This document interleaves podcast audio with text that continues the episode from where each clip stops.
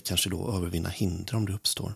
Och har man låg self-efficacy så kanske man tvärtom då känner att man inte har så mycket kontroll. Och när det väl uppstår hinder så kanske man ger upp. Man kanske slutar träna då istället.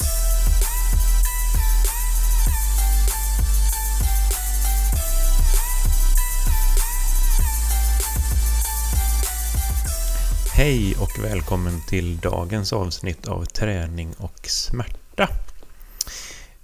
Jag som pratar nu har haft mycket ländryggsmärta genom åren och vid olika tillfällen så har jag satsat på olika åtgärder för detta.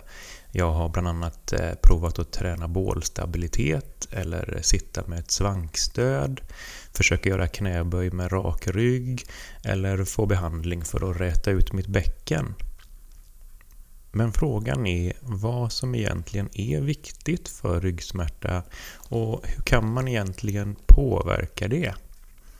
Det ska vi utreda i dagens avsnitt. Men först, glöm inte att prenumerera på podden. Lämna gärna en recension och gärna en femstjärnig recension så kan vi fortsätta att nå fler lyssnare och fortsätta spela in fler avsnitt. Det finns många idéer om ryggsmärta och det sägs många saker på olika håll, inte minst på internet, men även ifrån hälso och sjukvårdsgivare.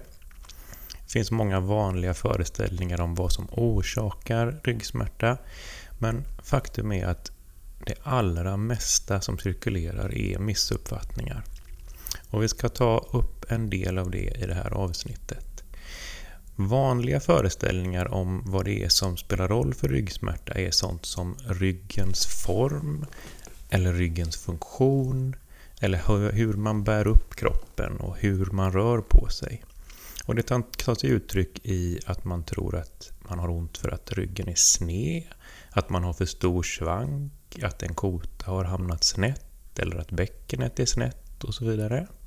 Det kan vara sådana saker som att man tror att ryggen är svag, att man har en svag core, dålig bålstabilitet, att man är dåligt eh, stretchad och orörlig eller till och med för rörlig, att man är överrörlig.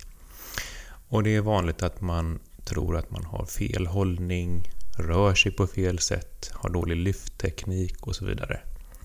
Och alla de här sakerna från alla de här kategorierna är sånt som vi faktiskt inte kan knyta till ryggsmärta, tro det eller ej.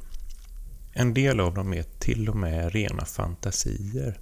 Man kan inte ha en kota som hamnar snett om inte man får riktigt svåra skador på alla stabiliterande strukturer runt omkring. Och ändå är det en hyfsat vanlig föreställning att det kan hända och att då kan man få hjälp med att någon puttar tillbaka den på rätt plats.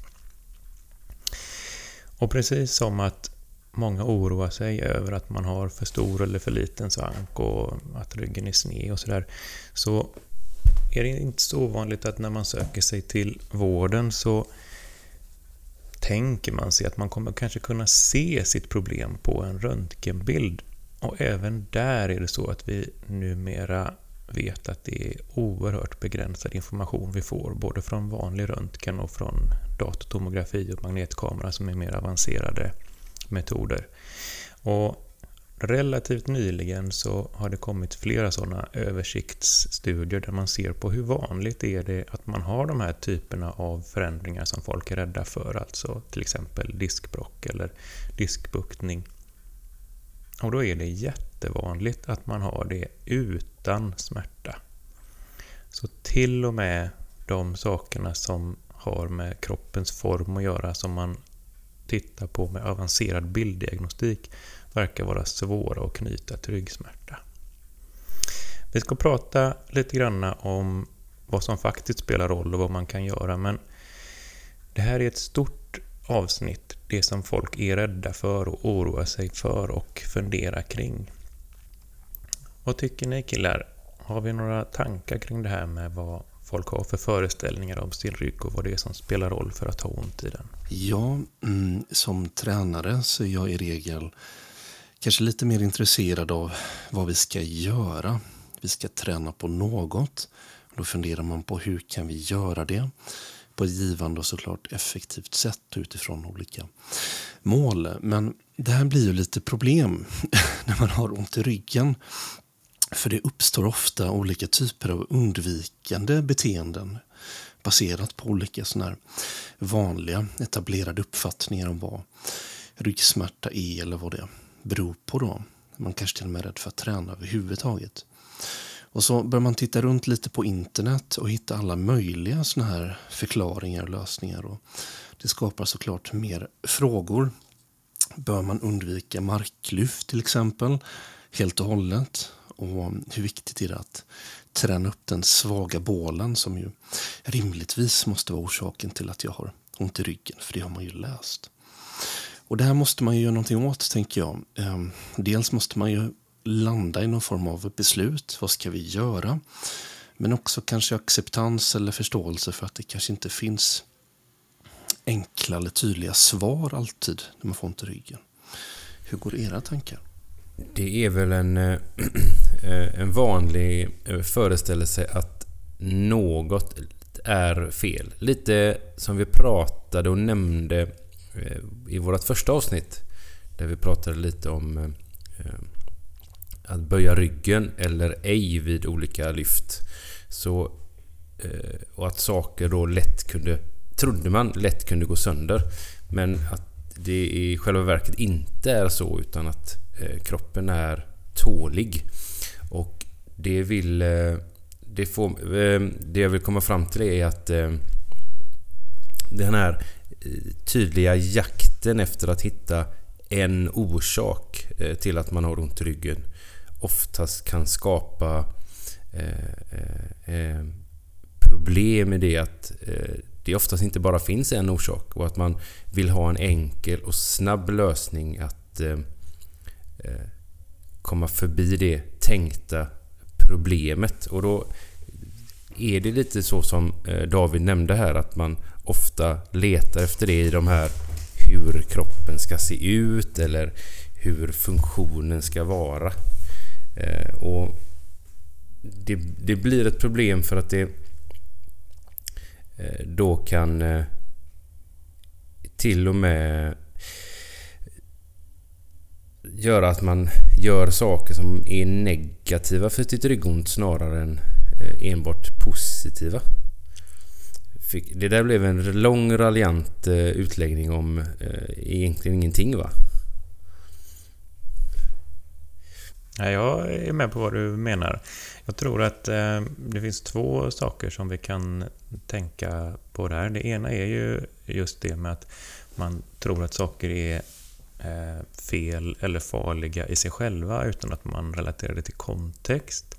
Och det tror jag är en viktig faktor att förstå att om man nu tycker att eh, man är svag eller sådär så vad jämför man med? Det är ju inte så att alla de starkaste i samhället har minst ont och alla de som är svagast i bålen har mest ont till exempel. Utan en sån sak som funktion, som styrka eller rörlighet det måste ju sättas i relation till vad man gör med sin kropp. Och då kommer vi ju genast till att om man brukar göra saker som kräver mycket styrka eller rörlighet så har man antagligen också förvärvat just den styrkan och rörligheten för kroppen är anpassningsbar. Så det finns någonting eh, lite kontraintuitivt här med hur man är rädd för saker som är i absolut mening fel eller dåligt eller otillräckligt när kroppen inte är så statisk. Den förändrar sig efter miljö och efter förutsättningar och efter vad man gör med den. Så där är det ganska många av de här orosmomenten som nästan luckras upp direkt när man, när man tänker på det i det ljuset. Det här med att eh, kroppen förändras och anpassar sig tänker jag är bra nyckelord ändå i det här samtalet. Och Många av de här förklaringsmodellerna som är populära, att man skulle ha ja, en svag bål, bålinstabilitet eller det handlar om rörlighet och teknik och sådär. Det är ju väldigt tilltalande förklaringsmodeller. För många av dem känns ju väldigt spontana. Och det jag tänker på när jag hör era beskrivning av detta det är egentligen att det finns väldigt mycket osäkerhet kring vad smärtan beror på. Finns det något eh, man kan tänka på här för att göra det ändå lite lättare emotionellt kanske att förhålla sig till den här osäkerheten? Mm, det är ju ganska så svåra frågor för man skulle helst vilja kunna lite om fysiologi för att riktigt eh, belysa det bra. Men en bra grej kan ju vara att man överhuvudtaget förstår att smärta inte är en egenskap som finns eller händer ute i kroppen.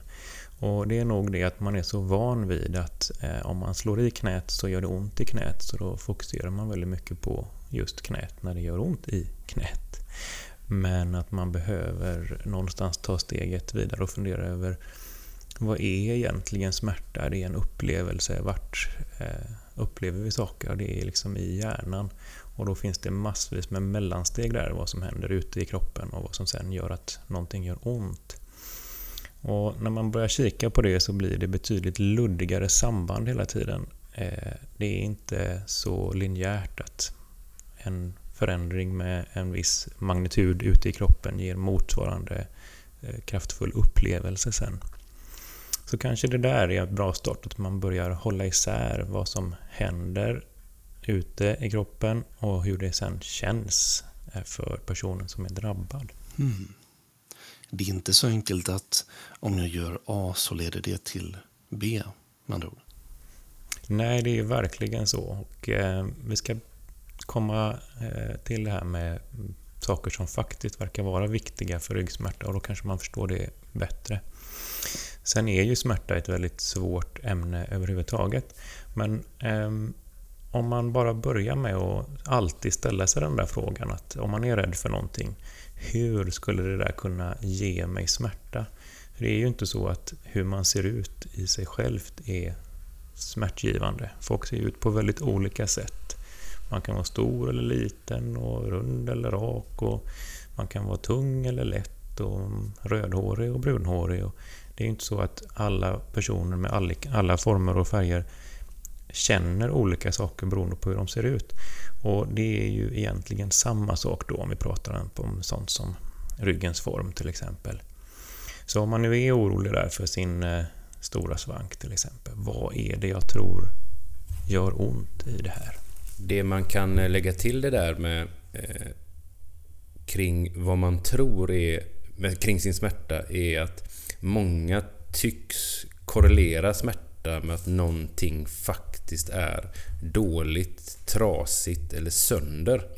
Och då kan man göra en liten passus kring det att, att smärta är just ett ganska dåligt mätverktyg att använda eh, för att mäta hur skadat något är. Om ens skadat överhuvudtaget.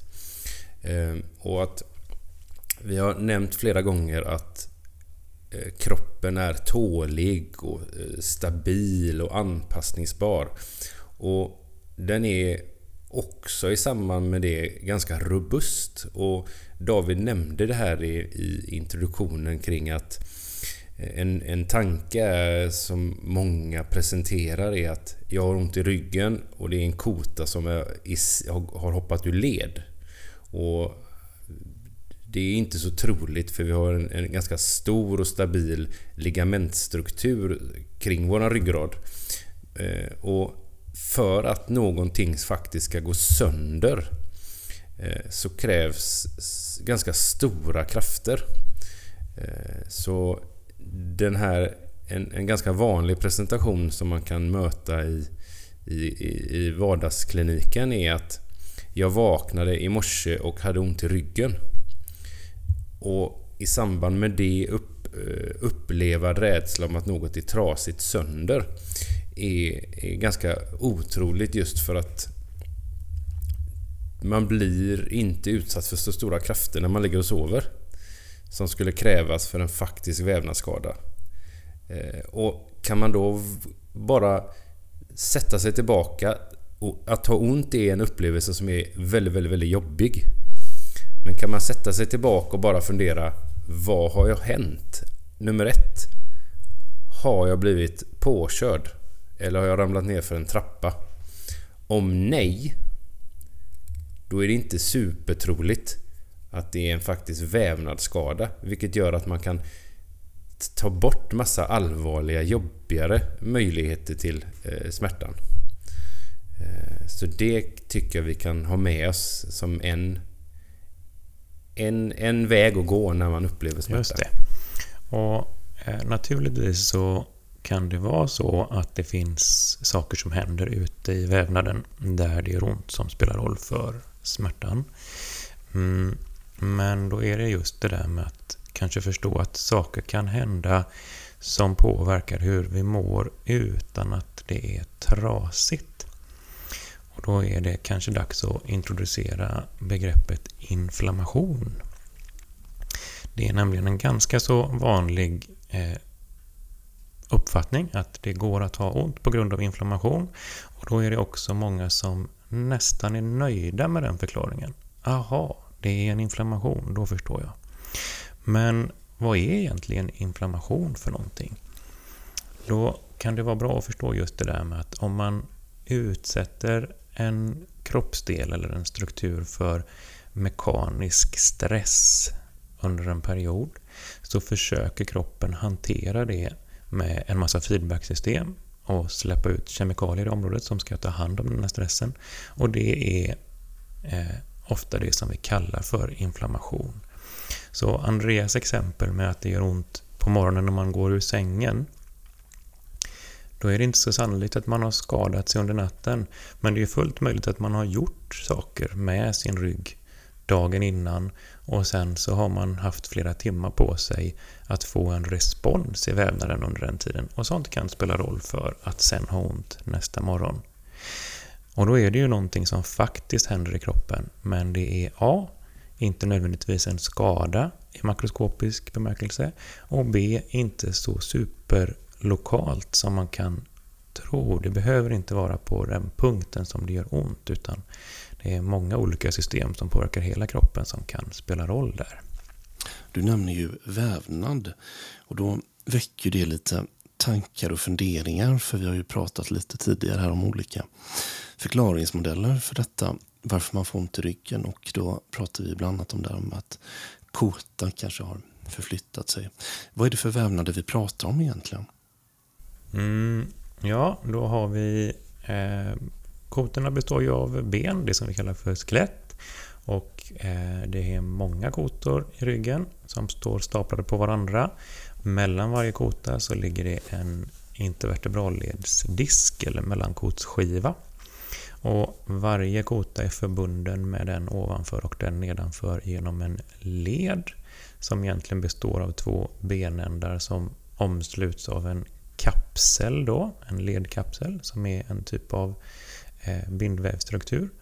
Och inuti den så finns det vätska och broskbeklädda benytor. Utanpå det här så ligger det ligament och så ligger det muskler och fasciella höljen. Och förutom att det förstås finns flera sådana här Mm, krångliga namn att räkna upp så kan man säga att alla de här strukturerna är det som vi kallar för olika vävnadstyper. och alla påverkas i någon mån av mekanisk stress, alltså av belastning från gravitationen eller av upprepade rörelser, eh, av muskelarbete och så vidare. Vilket innebär att eh, om vi utsätter dem för stora krafter så finns det en gräns för när de går sönder. Vilket kan hända, men det är inte så lätt, särskilt inte för de stora grova strukturerna som folk är mest rädda för. Utsätter vi dem för mindre krafter så finns det en kostnad i form av återhämtning. Så då behöver man vila och sova och äta för att de ska återställa sig. Och om man utsätter dem för mycket belastning över lång tid som man inte hinner hämta sig ifrån, då kan man ackumulera en irritation där som gör att man börjar uppleva det området mer påtagligt eller börjar göra ont därifrån eller sådär. Så det är den något till, mer tillgängliga delen av att förstå ryggsmärta. Att det spelar en roll hur mycket man utsätter ryggen för olika typer av mekanisk stress. Vilket är rörelse och belastning utifrån. Men är det så att man får ont i själva ryggraden då, eller är det muskler som gör ont? Ja, det kan vi egentligen inte svara på då. Man skulle rent teoretiskt kunna eh, ha eh, irritation eller nociception som det heter i alla de här vävnaderna. För alla de här har, är försörjda med nerver som kan tala om när det är för stor stress på det här området eller när det finns en inflammatorisk reaktion i det här området. Men man kan ju spekulera kring vad som lättast irriteras och då är det ju så att våra muskler är den absolut första eh, line of defense, så att säga. Det är muskler vi använder för att skapa rörelse. De är väldigt väl eh, försörjda med blod, så de är ganska så lätta att eh, reparera om de går sönder. Och man brukar börja med att försvara sig när man är nära ytterlägen eller utsätts för stora hastigheter genom att spänna åt muskulaturen kraftigt. Och det gör att det också ganska så lätt gör ont i muskler. De är rikligt innerverade som det heter. Så mycket ryggsmärta är i varje fall rimligt att tro hänger ihop med muskler. Vilket de flesta tycker är skönt att höra för då upplevs det inte som lika skrämmande som ifall man säger att det är disken som gör ont eller det är skelettet som gör ont.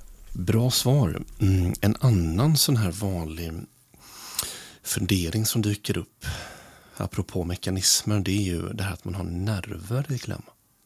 Hur går era tankar kring det? Toppenvanligt är det ju. Eh, vi som jobbar med de här patienterna hör det här flera gånger i veckan, ibland flera gånger om dagen. Eh, att det känns som att jag har en nerv i kläm. Och det kan vara förståeligt, men eh, det är egentligen inte supervanligt. Och det som det betyder när man pratar om rygg och ryggsmärta, det är oftast att man då har en, en eh, kompression av en nervrot. Det finns en på varje sida, på varje nivå i ryggen, alltså vid varje kotnivå.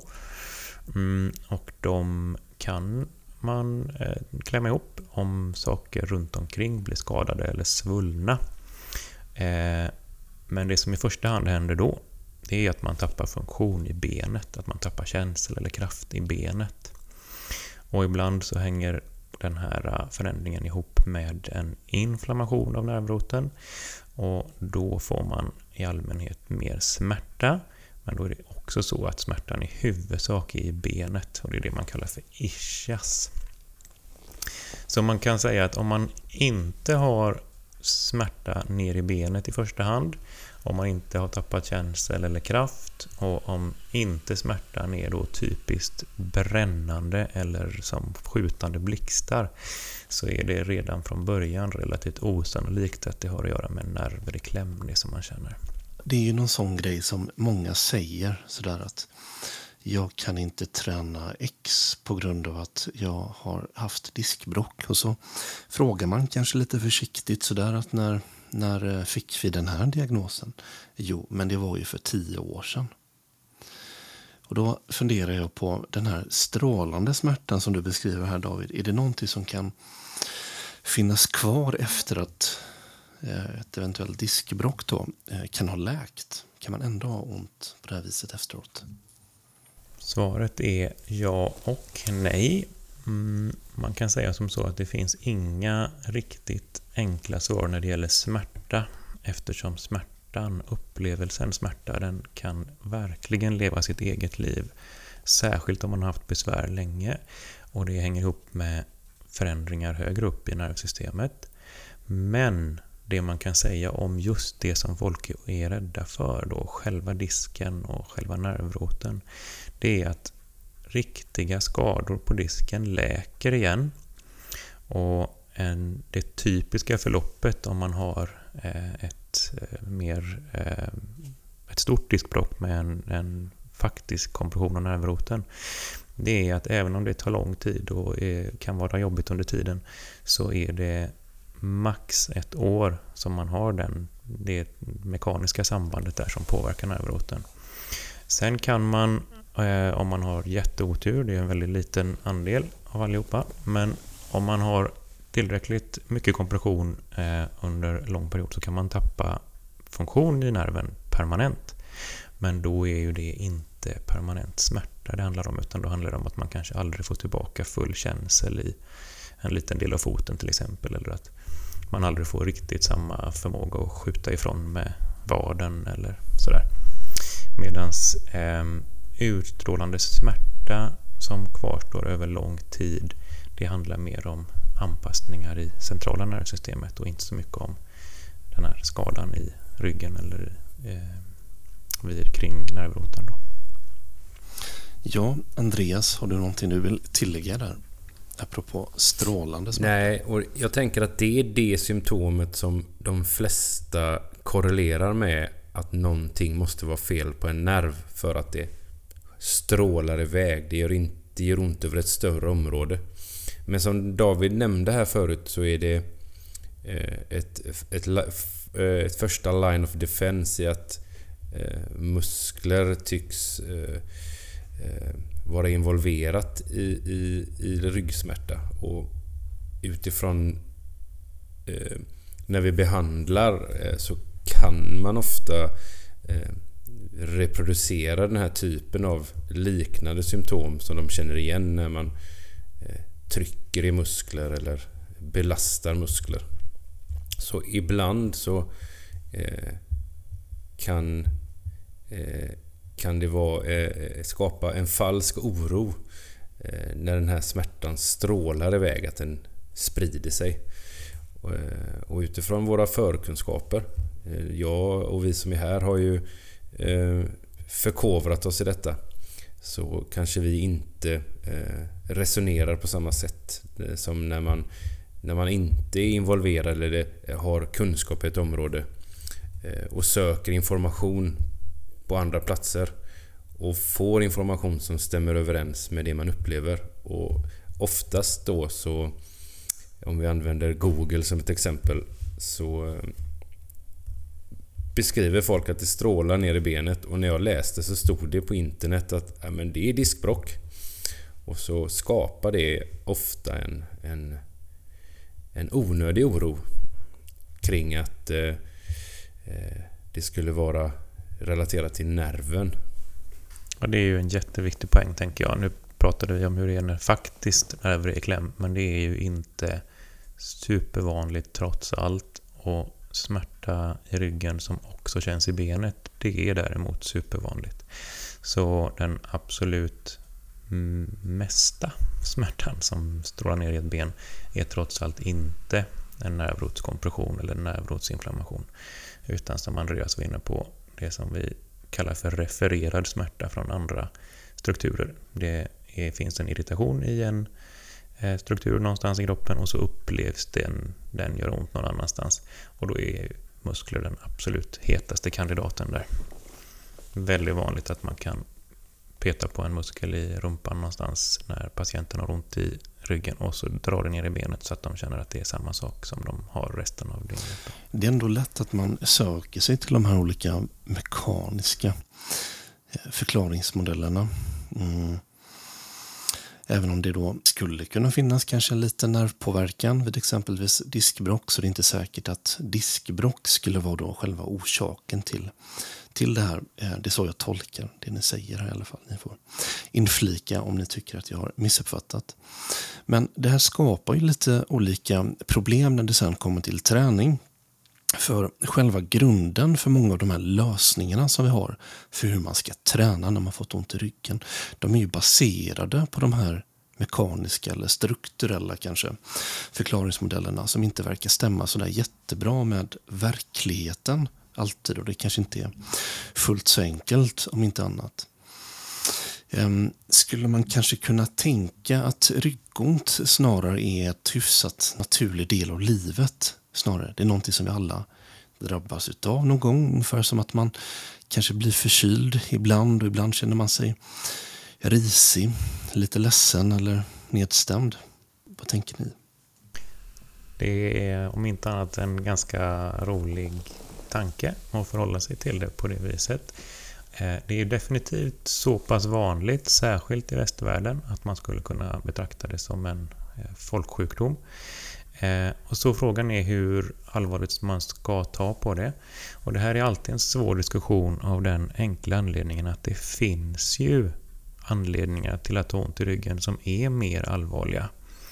Eh, man brukar prata om att mellan 1 och 5 procent av all ryggsmärta är Eh, så kallad specifik ryggsmärta som beror på riktiga då skador och sjukdomar såsom en fraktur till exempel eller en reumatisk sjukdom eller någonting i den stilen.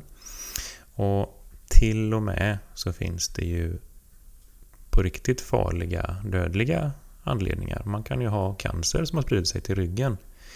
Eh, så man kan aldrig helt strunta i den möjligheten och det är väl därför som man ibland kan behöva då handledning från någon som kan mer om vad, vad är det för tecken på de mer allvarliga eh, orsakerna till ryggsmärta.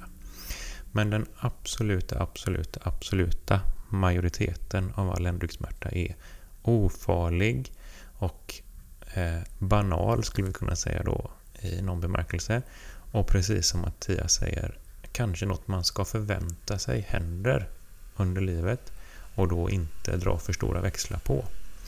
Är det någonting det verkligen är tecken på så är det eh, en, en barometer av allmäntillståndet, precis som man känner sig i ristet när man är förkyld eller när man är väldigt stressad eller har sovit dåligt, så, så är det lätt att man får ont i ryggen när man inte riktigt är i balans i övrigt. Men när vi är inne på detta nu mm, så är det ju egentligen eh, lite faktorer som är kopplade till smärtan. Vi pratar ju inte om en enskild orsak per definition utan det är ju flera olika typer av faktorer. Och vad finns det för olika sådana här då kategorier av faktorer mm, ja. som kan påverka? Eh, det här är ju väldigt bra om man kan ta till sig, även om vissa tycker det är lite svårsmält. Så istället för att rikta blicken mot eh, kroppen och struktur och funktion så brukar det vara bra att titta på vad som händer runt omkring en i livet. Eftersom till skillnad från allt det vi inledde med så det som vi faktiskt vet spelar roll för ryggsmärta och där vi har ganska så väl belagda samband, det är psykologiska faktorer, hälsofaktorer och sociala faktorer. Så när vi säger psykologiska faktorer så är den stora kandidaten som alla kan relatera till stress. Men även sådana saker som oro, ångest och till och med då klinisk depression är ganska så tätt förknippat med ryggsmärta.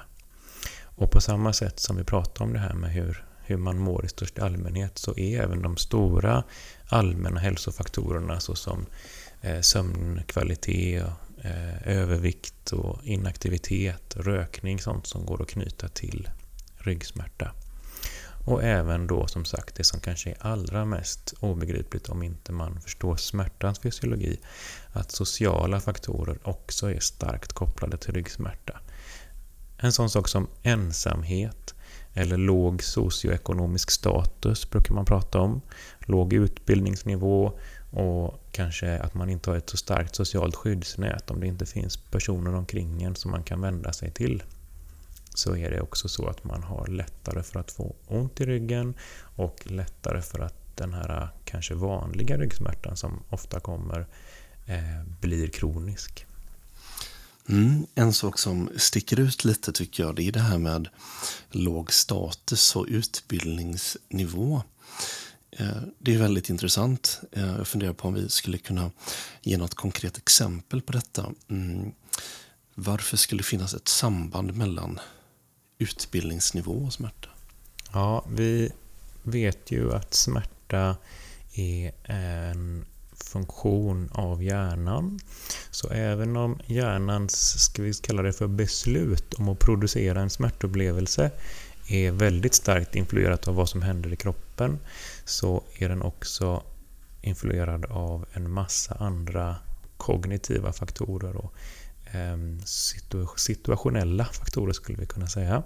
Där man ytterst skulle kunna förstå det här som hjärnans tolkning av hur utsatt du är och i vilket behov av beskydd du har. Du är. Och då kan man så att säga använda sig av strategin smärta. Om jag är en hjärna så kan jag tänka att hur ska jag skydda min bärare här? Jo, jag kan producera smärta. Då blir personen mer försiktig. Eh, och är det någonting som är utsatt så är det ju att inte ha vänner omkring sig, att inte ha ekonomiska medel och att inte ha eh, som sagt, och utbildning är ju en form av, av trygghet och en form av eh, personligt kapital som ifall det saknas så är man mer utsatt och då är det sannolikt det, det, det som är kopplingen till smärta. Jag tror att egentligen så har vi väl den, den mesta datan vi har på det här är epidemiologisk. Vi ser de här sambanden att eh, överlag, inte bara för ryggsmärta utan för alla möjliga typer av eh, smärttillstånd så, så drabbas eh, vissa grupper mer. Och då finns det ju såklart en massa andra möjliga kopplingar. Man, man har ju inte samma möjlighet att ta hand om sig om man är eh, mer ekonomiskt utsatt till exempel. Man kan inte kanske bo som man vill, man kanske inte har tid att vara borta från jobbet för att gå och träna, man kanske inte kan eh, bo nära naturen, man kanske inte kan köpa den bästa maten.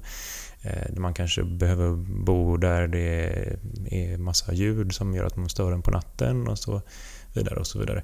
Så det finns ju många saker som gör att man längre ner på samhällsstegen är mer utsatt även i ren praktisk bemärkelse. Men sen har vi också eh, då eh, de här eh, att man försöker kontrollera för andra faktorer och, och jämföra. Om, om allt annat är samma så verkar det fortfarande som att eh, status och eh, utbildningsnivå och eh, upplevd eh, plats i en social hierarki också spelar roll. Upplevd utsatthet, upplevd ehm, eh, bristande inflytande på sin egen arbetsplats och så vidare. Alltså hur man tolkar sin situation verkar helt enkelt vara viktigt oavsett hur det faktiskt ligger till rent praktiskt. Och det måste vi nog tro är kopplat till Eh, mer kognitiva processer, att man, man helt enkelt eh, upplever sig själv som utsatt och då får man mer eh, försvarsreaktioner från kroppen.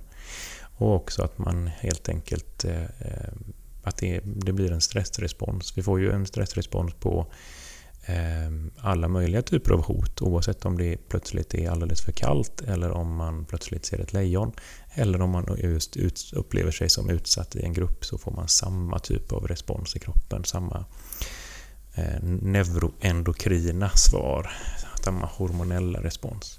Och allt det där tror man då ändå är sånt som, som gör att de här sociala faktorerna får inflytande över sånt som hur, hur vi mår, alltså smärta och hur man upplever sin kropp. Och är det inte så också är det inte så också att eh, om vi tittar på allmän hälsa att även där så ser vi att sociala faktorer spelar stor roll. Att lägre eh, utbildningsnivå, lägre socioekonomisk status ofta är kopplat till eh, en, en sämre hälsa generellt. Absolut är det så. Och förutom allting som vi sa alldeles nyss, att saker liksom sitter ihop med varandra och man kan inte riktigt hålla isär det där med vad, vad ekonomiska möjligheter ger för hälsopotential i termer av eh, tid och så vidare, så verkar det ju som att eh, det också handlar lite grann om att man helt enkelt behöver ha en viss kunskapsnivå för att göra bra val för sin hälsa. Det är inte så enkelt som att man vet vad som är det bästa sättet att ta hand om sig själv. Man vet kanske inte vilka livsmedel som är, är nyttiga till exempel eller vilken, hur stor roll det spelar att eh, eh lägga sig i tid på kvällen och så vidare. Och så vidare. Det är också mycket, mycket vanligare nu för tiden att eh, använda sig av eh, tobak och röka när man eh, befinner sig längre ner på eh, Eh, den eh, samhällsstegen. Mm. Och trots detta då, att man vet att sociala faktorer och allmänna hälsofaktorer påverkar, så vill vi ju väldigt ofta titta på specifika rörelser. Hur vi gör en rörelse, vad det är för teknik vi använder. Har vi kontroll? Är vi svaga? Men många av de här olika faktorerna glömmer man ju lätt bort. Man kanske inte ens har hört talas om att status eller utbildningsnivå påverkar. Man kanske inte sätter sig och googlar efter en eh, ny utbildning när man får ont i ryggen, så att säga. Sen är ju till exempel sömn en sån fruktansvärt lätt sak att glömma bort eller underskatta. Och det är inte heller kanske alltid jätte jätteroligt att gå och lägga sig i tid. När det finns så många fina serier på Netflix och HBO och allt vad det heter, det vet man ju själv. Och precis som binge-tittande så smyger sig kanske dålig sömn och övervikt och sådär på allt eftersom. Mm. Men det finns ju väldigt många olika sådana här faktorer som påverkar och då funderar jag på var ska man börja? Det kanske inte är helt lätt att se upp sig från jobbet och påbörja ny utbildning, tänker jag. Nej, så är det naturligtvis. Och man behöver inte lösa alla sådana här faktorer. Det är inte så att eh, man automatiskt får ont i ryggen för att man tittar mycket på Netflix till exempel. Utan det handlar kanske snarare om vilka perspektiv man har.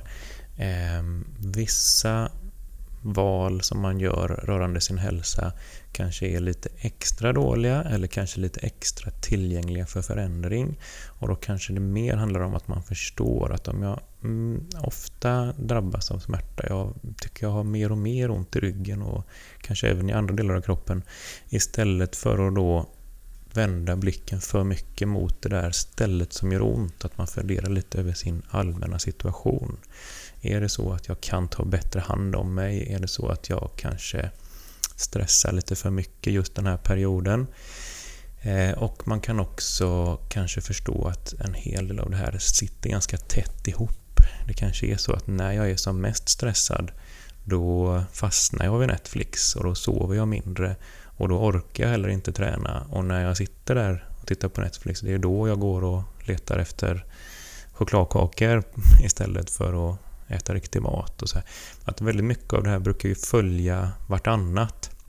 Och vi vet också att eh, alla de här psykologiska faktorerna som vi pratar om är, är ganska tätt kopplade till de här eh, generella hälsomåtten också. Så det finns en tät koppling mellan sömnkvalitet och eh, eh nedstämdhet eller depression till exempel. Eh, vi vet att man sover Eh, bättre om man är fysiskt trött vid dagens slut, alltså om man har varit eh, aktiv och kanske tränat och sådär. Så att det är en, en endaste röra, alla de här faktorerna eh, som sitter fast i varandra. Och då kan man tolka det som att det är hopplöst, eller så kan man vara optimist och tänka om jag ändrar lite på en av de här så kanske jag får eh, lite en god positiv spiral framåt och så räcker det för att lyfta mig ur just den här perioden när jag har ont i ryggen. Då. Jag tycker att eh, det är väl kanske eh, en, en, en viktig aspekt. Eh, att man inte känner... Även om vi sitter och pratar om en mängd olika faktorer och, och precis som David säger att man känner igen sig i flera av de här facken. Att man inte jagar att känna nu måste jag ändra hela mitt liv. Utan att beteendeförändring handlar om också ofta om att försöka göra de små stegen och att, som David säger, att det kanske är en grej vi väljer. En av alla de här. Vi kanske väljer att sätta klockan så att vi eh, går upp samma tid och vi går och lägger oss samma tid varje dag. Vi, vi vågar stänga av eh, Netflix för vi vet ju att serien kommer inte försvinna därifrån. Jag kan ju faktiskt titta på nästa avsnitt imorgon. Jag måste ju inte titta Eh, alla avsnitt. Så att man börjar någonstans, något, något litet, så att det faktiskt blir av. Precis som man drar sig lätt till de här biomekaniska förklaringarna för varför man har fått ont så är också träningsvärlden väldigt mm, präglad ändå av det här tänket med optimering. Man behöver optimera saker och ting för att få ut mest, så man får maximal träningseffekt på något vis. Men när jag lyssnar på ert samtal här så mm, tolkar jag det mer som att man kanske inte behöver gå in och optimera alla de här sakerna utan det är kanske några så här lågt hängande frukter eller kanske till och med en sak som kan ge lite positiva effekter framåt här då. Har jag tolkat det riktigt? Det tycker jag är den kanske viktigaste saken att ta med sig. Att eh, ingen kan göra allt, men alla kan göra något. Badumdish. alltså att man helt enkelt eh, eh, ser att man är människa och att det kommer aldrig att vara så att man har ett perfekt liv. Det kommer alltid vara saker man kämpar med, för det är att vara människa. Men att man kan, när man mår dåligt, om man har ont, fundera över vad är det som jag påverkas av kanske mest nu? Kan jag ändra på någonting där? Eller så tänker man så här, vad är det som är lättast att förändra? Det kanske är så att man har väldigt mycket stress på jobbet och så tänker man att det är en jädra grej. Men det är som det är, jag kan inte sluta jobbet, jag måste igenom det här projektet. Då kanske man istället kan tänka att ja, det är inte så svårt att hoppa över och vara uppe på nätterna. Eh, eller det är inte så svårt att få in en eh, extra promenad på lunchen eller någonting annat som man kan göra för att påverka sin situation i rätt riktning. Jag skulle också bara vilja passa på att flika in en viktig sak nu för lyssnarna här då som kanske sitter med sina egna besvär och funderar. Det är ju förstås också väldigt olika typer av ryggsmärta. Man måste hålla isär om man har jättesvår smärta eller mild smärta. Om man har haft ont i två dagar eller 22 år och så vidare. Och I allmänhet kan man säga att om det är tydliga symptom som har kommit relativt nyss och som är tätt kopplade till till exempel aktivitet eller till en viss rörelse, då är det i allmänhet så att man också ska bry sig mer om just själva ryggen och just de där rörelserna och just den där belastningen som känns besvärande. Medans har man haft ont väldigt länge och det kommer och går och det kanske inte är så linjärt förknippat med en viss position eller rörelse, då blir det mer och mer viktigt att bry sig om de här allmänna faktorerna som vi pratar om nu. hur man tänker och resonerar kring sin kropp och hur man har det i allmänhet i livet och med sina vanor och beteenden. Det som är lite intressant där är, eh, du har nämnt här de här ganska vanliga eh, övertygelserna folk har om de här den här enda orsaken som eh, vi behöver göra någonting åt för att bli bra och att har jag ont i ryggen så är det ett tecken på att något är trasigt sönder eller de är väldigt vanliga.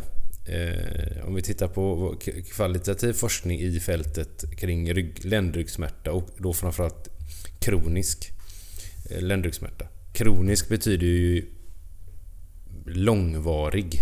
Inte för alltid. Det kan vara bra för det är också en sån här eh, grej som kan... En, en förståelse som kan skapa problem. Att kroniskt innebär att man har haft i, i samband med smärta haft ont 3-6 månader eller längre. Eh, det betyder långvarigt, inte för evigt, för alltid. Men många av de här mekaniska eh, övertygelserna man har fått till sig eh, kommer sen användas när vi får ont i ryggen. Och det finns tankar och teorier som bygger på just det att de här övertygelserna kommer styra hur vi väljer att försöka hantera och behandla våran smärta själv. Självbehandla, eh, kan man säga. Och om de här eh, övertygelserna inte riktigt är Eh, Eh, eller är, är dåliga för oss då kan det innebära, eller bygger på eh, bygger på felaktig information i ett bättre uttryck så kommer vårat sätt att försöka hantera smärtan kanske vara negativt för oss. Så att, att försöka förändra beteendet. till exempel att eh, har man övertygelsen om att jag har ont i ryggen, det måste vara min disk. Okej, okay, disken eh, påverkas när jag böjer mig. Ja, jag måste sluta böja mig. Då tar man till ett beteende där man slutar böja sig och blir mer eh, per definition stabil eh, i, i, i, eh, i, eh, i bålen. Vilket gör att man har en annorlunda mekanisk belastning som man tänker kan vara med och driva, driva en smärta. Så det här med beteenden och vad man faktiskt tänker och tror Eh, kring sin smärta spelar också roll för många som har ont i ryggen.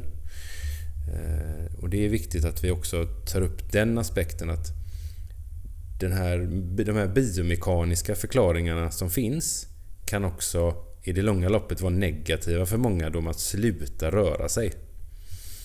Och det vet vi idag att vi ska, alltså ingen människa rör sig exakt likadant. Vi har en variation i vår rörelse. Och har man ont, då har man mindre variation. Vi rör oss mindre varierat. Vi vet att de som har ont i ryggen de blir mer, instab eller mer stabila för att de går runt och spänner sig mycket mer för att de är rädda för att förvärra eller att få ont. Och allt det här kan drivas lite av de här, den här felaktiga informationen man matas med. Så det är en viktig del att eh, få med sig att våga eh, röra sig. Och att man eh, kanske då snarare eh, utmanar de här eh, rädslan av att, att få ont gradvis eh, för att ha, i det långa loppet ha mindre ont. Det är också en bra poäng här att eh, de som har mycket ont i allmänhet är stabilare än de som inte har ont med tanke på att man är så rädd för den där instabiliteten. Men eh, en viktig grej förstås att om vi har eh, specifika rädslor så kommer vi att anpassa oss till dem och välja hur vi lever och rör oss. Och det kanske inte alltid är uppbyggligt. Och Det är ju en typisk sån sak som man skulle kunna få hjälp med om man söker vård. Att man kan träffa någon som kanske kan hjälpa en mer med en mer eh, konstruktiv bild av sig själv och sitt problem. Men vad är det annars för saker som man kan ta till då som är de mest typiska insatserna som man använder mot ryggsmärta? Det är ju vanligt att man provar läkemedel till exempel. Det är relativt vanligt med manuell terapi, det som jag och Andreas sysslar med, alltså osteopati, kiropraktik, naprapati och så vidare. Det är relativt vanligt med akupunktur, sjukgymnastik förstås, olika terapeutiska övningar och i viss mån kanske också apparatbehandlingar, laser, strålstötvåg, ultraljud. Alla de här sakerna, är de meningslösa? är ju frågan med tanke på att vi har lärt oss nu mer om vad som driver ryggsmärta. Mm. Vad tycker vi och vad tänker vi om detta? Det vi har pratat om tidigare med olika faktorer då, allmänna hälsofaktorer och sociala faktorer, psykologiska faktorer. Det är ju saker som dels kanske inte alltid är så lätt att identifiera, att det här är saker som påverkar. Och eh, många av de här sakerna kanske också smyger sig på över tid, ens livsstil och sådär.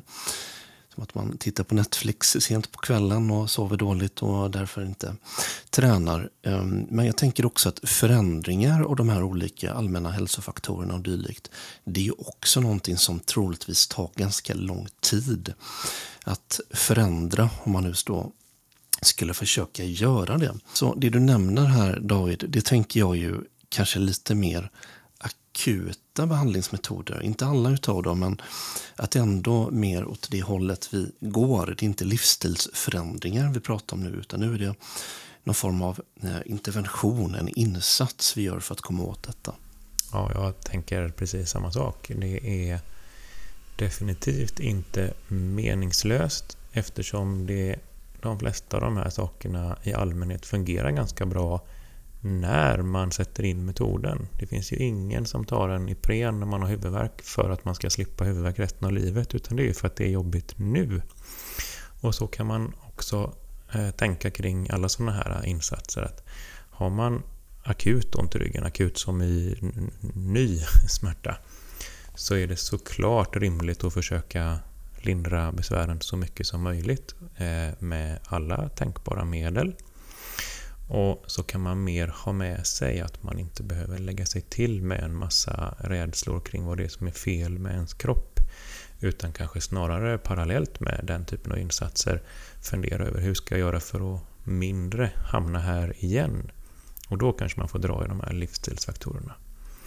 Om det sen är så att man har besvär som återkommer eller blir långvariga så är det också så att man kan behöva hjälp med att förändra sina, eh, sin eh, sina föreställningar om kroppen eller sina eh, vanor eller sina beteenden. Och då kan man få guidning av någon som jobbar med det här. Och då är det nästan alltid så att det också är lämpligt med direkt behandling av symptomen. Göra saker så att det gör mindre ont så att man orkar börja röra sig mer igen till exempel. Eller så att man kommer igång och börjar sova bättre och så vidare. Så att eh, Det är nog bra om man inte ser det som eh, bot utan som en, en, en insats för eh, rätt, eh, rätt insats vid rätt tillfälle helt enkelt. Underlätta lite grann kanske? Ja, en facilitering ja. Men precis, och jag precis därför hålla med er. Jag resonerar på liknande sätt. Att, och återigen, eh, nämnt det någon gång har vi gjort, men att det är också... Alltså många faktor, jobbiga faktorer tycks spela roll för smärta. Men vi måste också ha med oss smärtan som en, en jobbig upplevelse.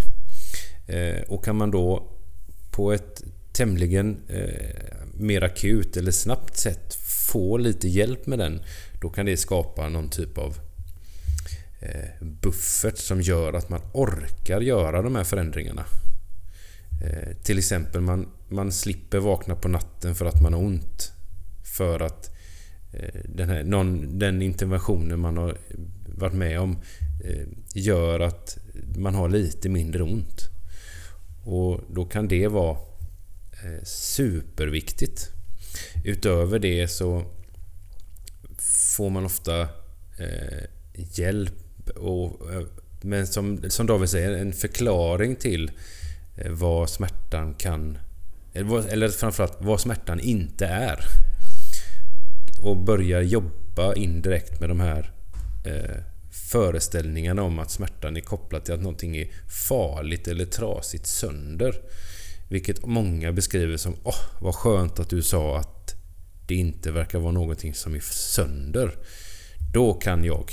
Och så helt plötsligt så med, med en, en undersökning och behandling av något slag så kan man få personen i fråga att göra väldigt mycket bra saker själv. En av de här behandlingsmetoderna som vi är inne på, är sjukgymnastik, Det är ändå ganska mm, starkt förknippat med träning. Och då pratar man ju ofta om bålstabiliserande övningar. Det gör i alla fall många som har fått ont.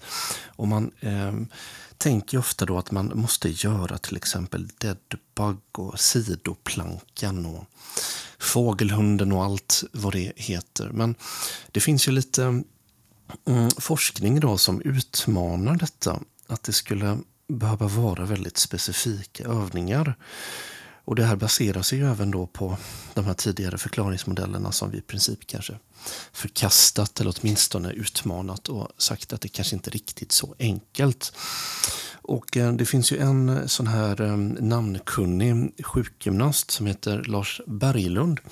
Som jag tror att i hans avhandling så tittar han på just det här då med skillnader mellan eh, individanpassade rörelsekontrollövningar, typiska rehabövningar och eh, mer styrkelyft liknande träning med lite tyngre marklyft. Och där såg man att båda de här typerna kan ju vara användbara.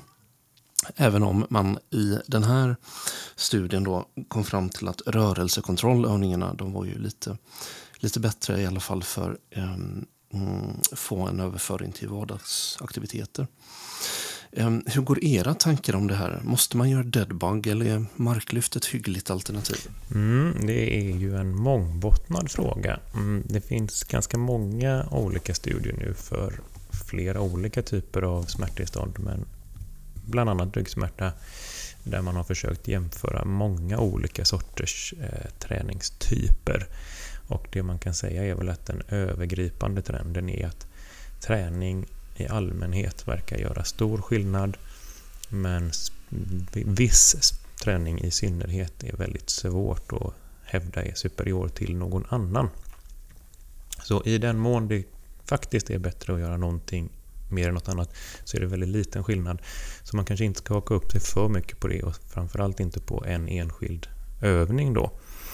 Men eh, vi kanske också bara ska nämna att den här själva idén med bålstabilitet från början är felaktig, bygger på en felaktig utgångspunkt. Eh, och vi behöver inte dra hela historien om hur det startade men det finns helt enkelt inga dokumenterade samband mellan ryggens stabilitet och smärta. Vare sig att, att smärtan är kopplad till en faktisk instabilitet eller att smärtan skulle minska för att stabiliteten ökar.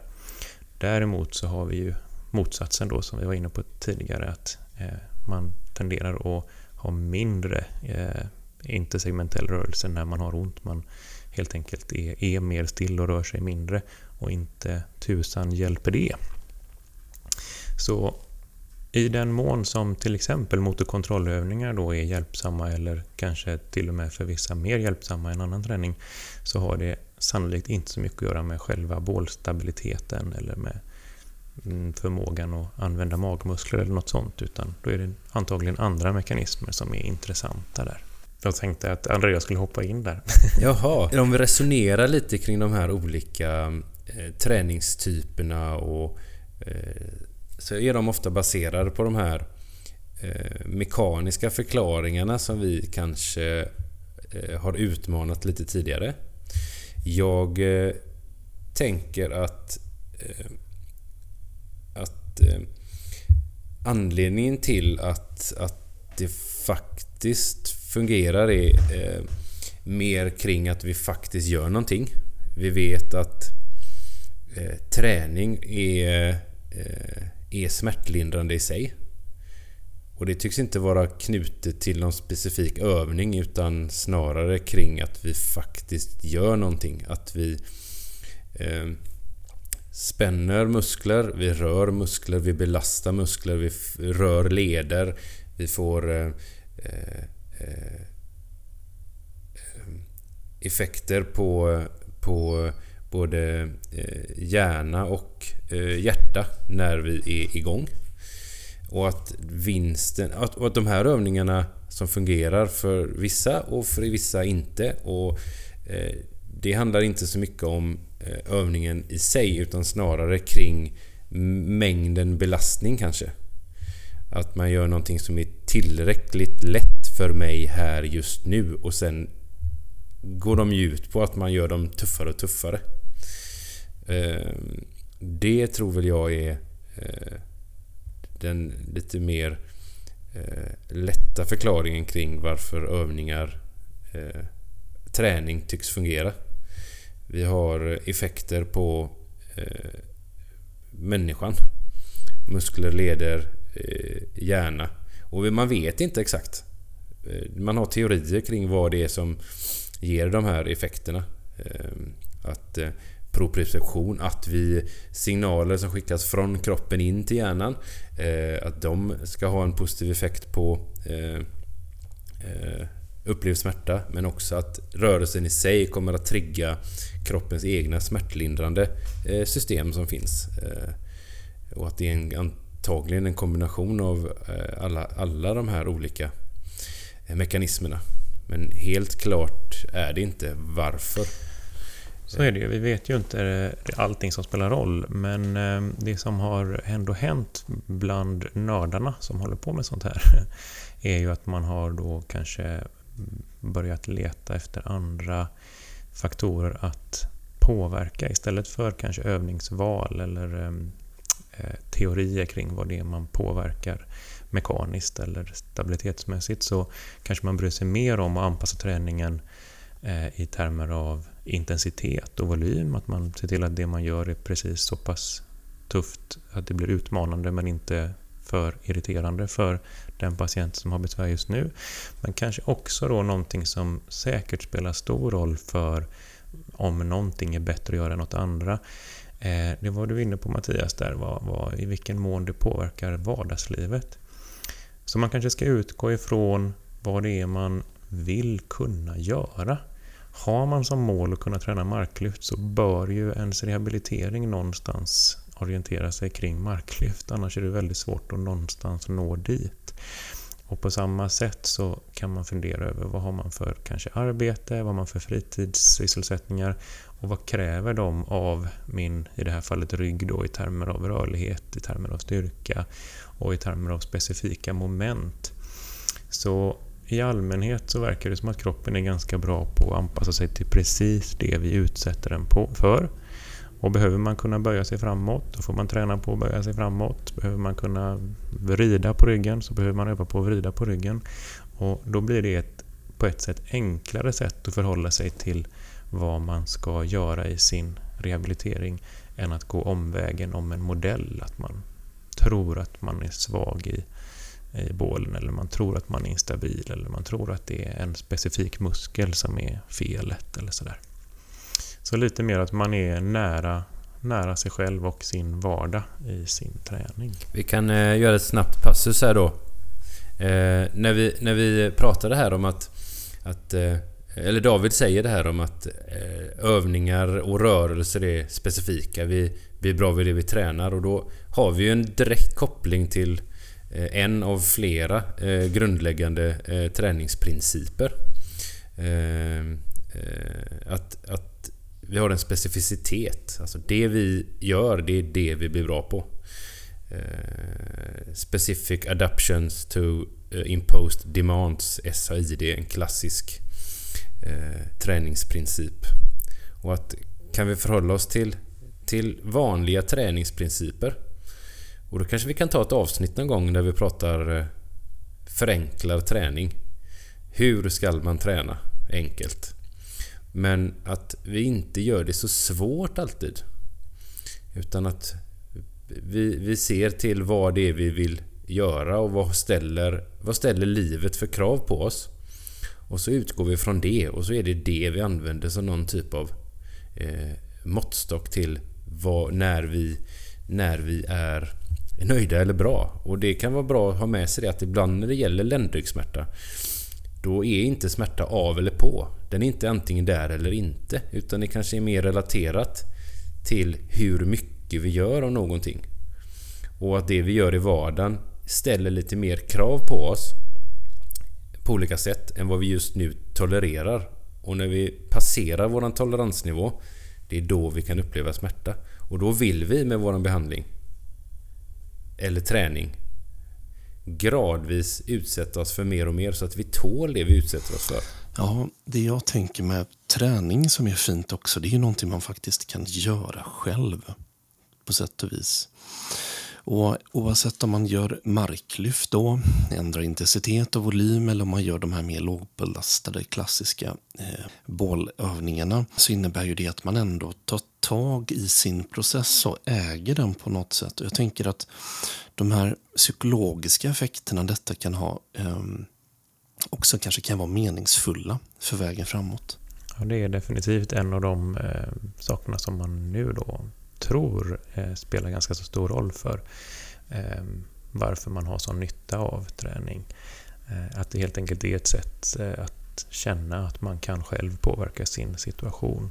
Och eh, Särskilt om man då lyckas hitta relativt fort en påverkan på symptom. Att man kan märka att när jag gör den här övningen eller om jag gör det här passet då känns det bättre under tiden eller efteråt eller i en dag eller två dagar eller gradvis över tid, då märker man det att det är, det är jag som är i kontroll, det är jag som bestämmer över min situation. Och både då att det spär på eh, utvecklingen, att man, man fortare får mindre ont, men också att man mår mindre dåligt av när det gör ont. Man känner att det är ändå upp till mig. Det är okej okay att hoppa över träningen om jag är beredd på att ha lite mer ont istället. Eh, men då är jag inte ett offer för omständigheterna utan det är jag som sitter vid rodret helt enkelt.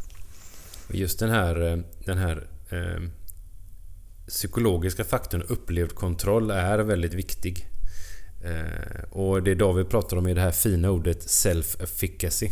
Och eh, har, man, har man haft ont länge, då vet vi då är det någonting som är...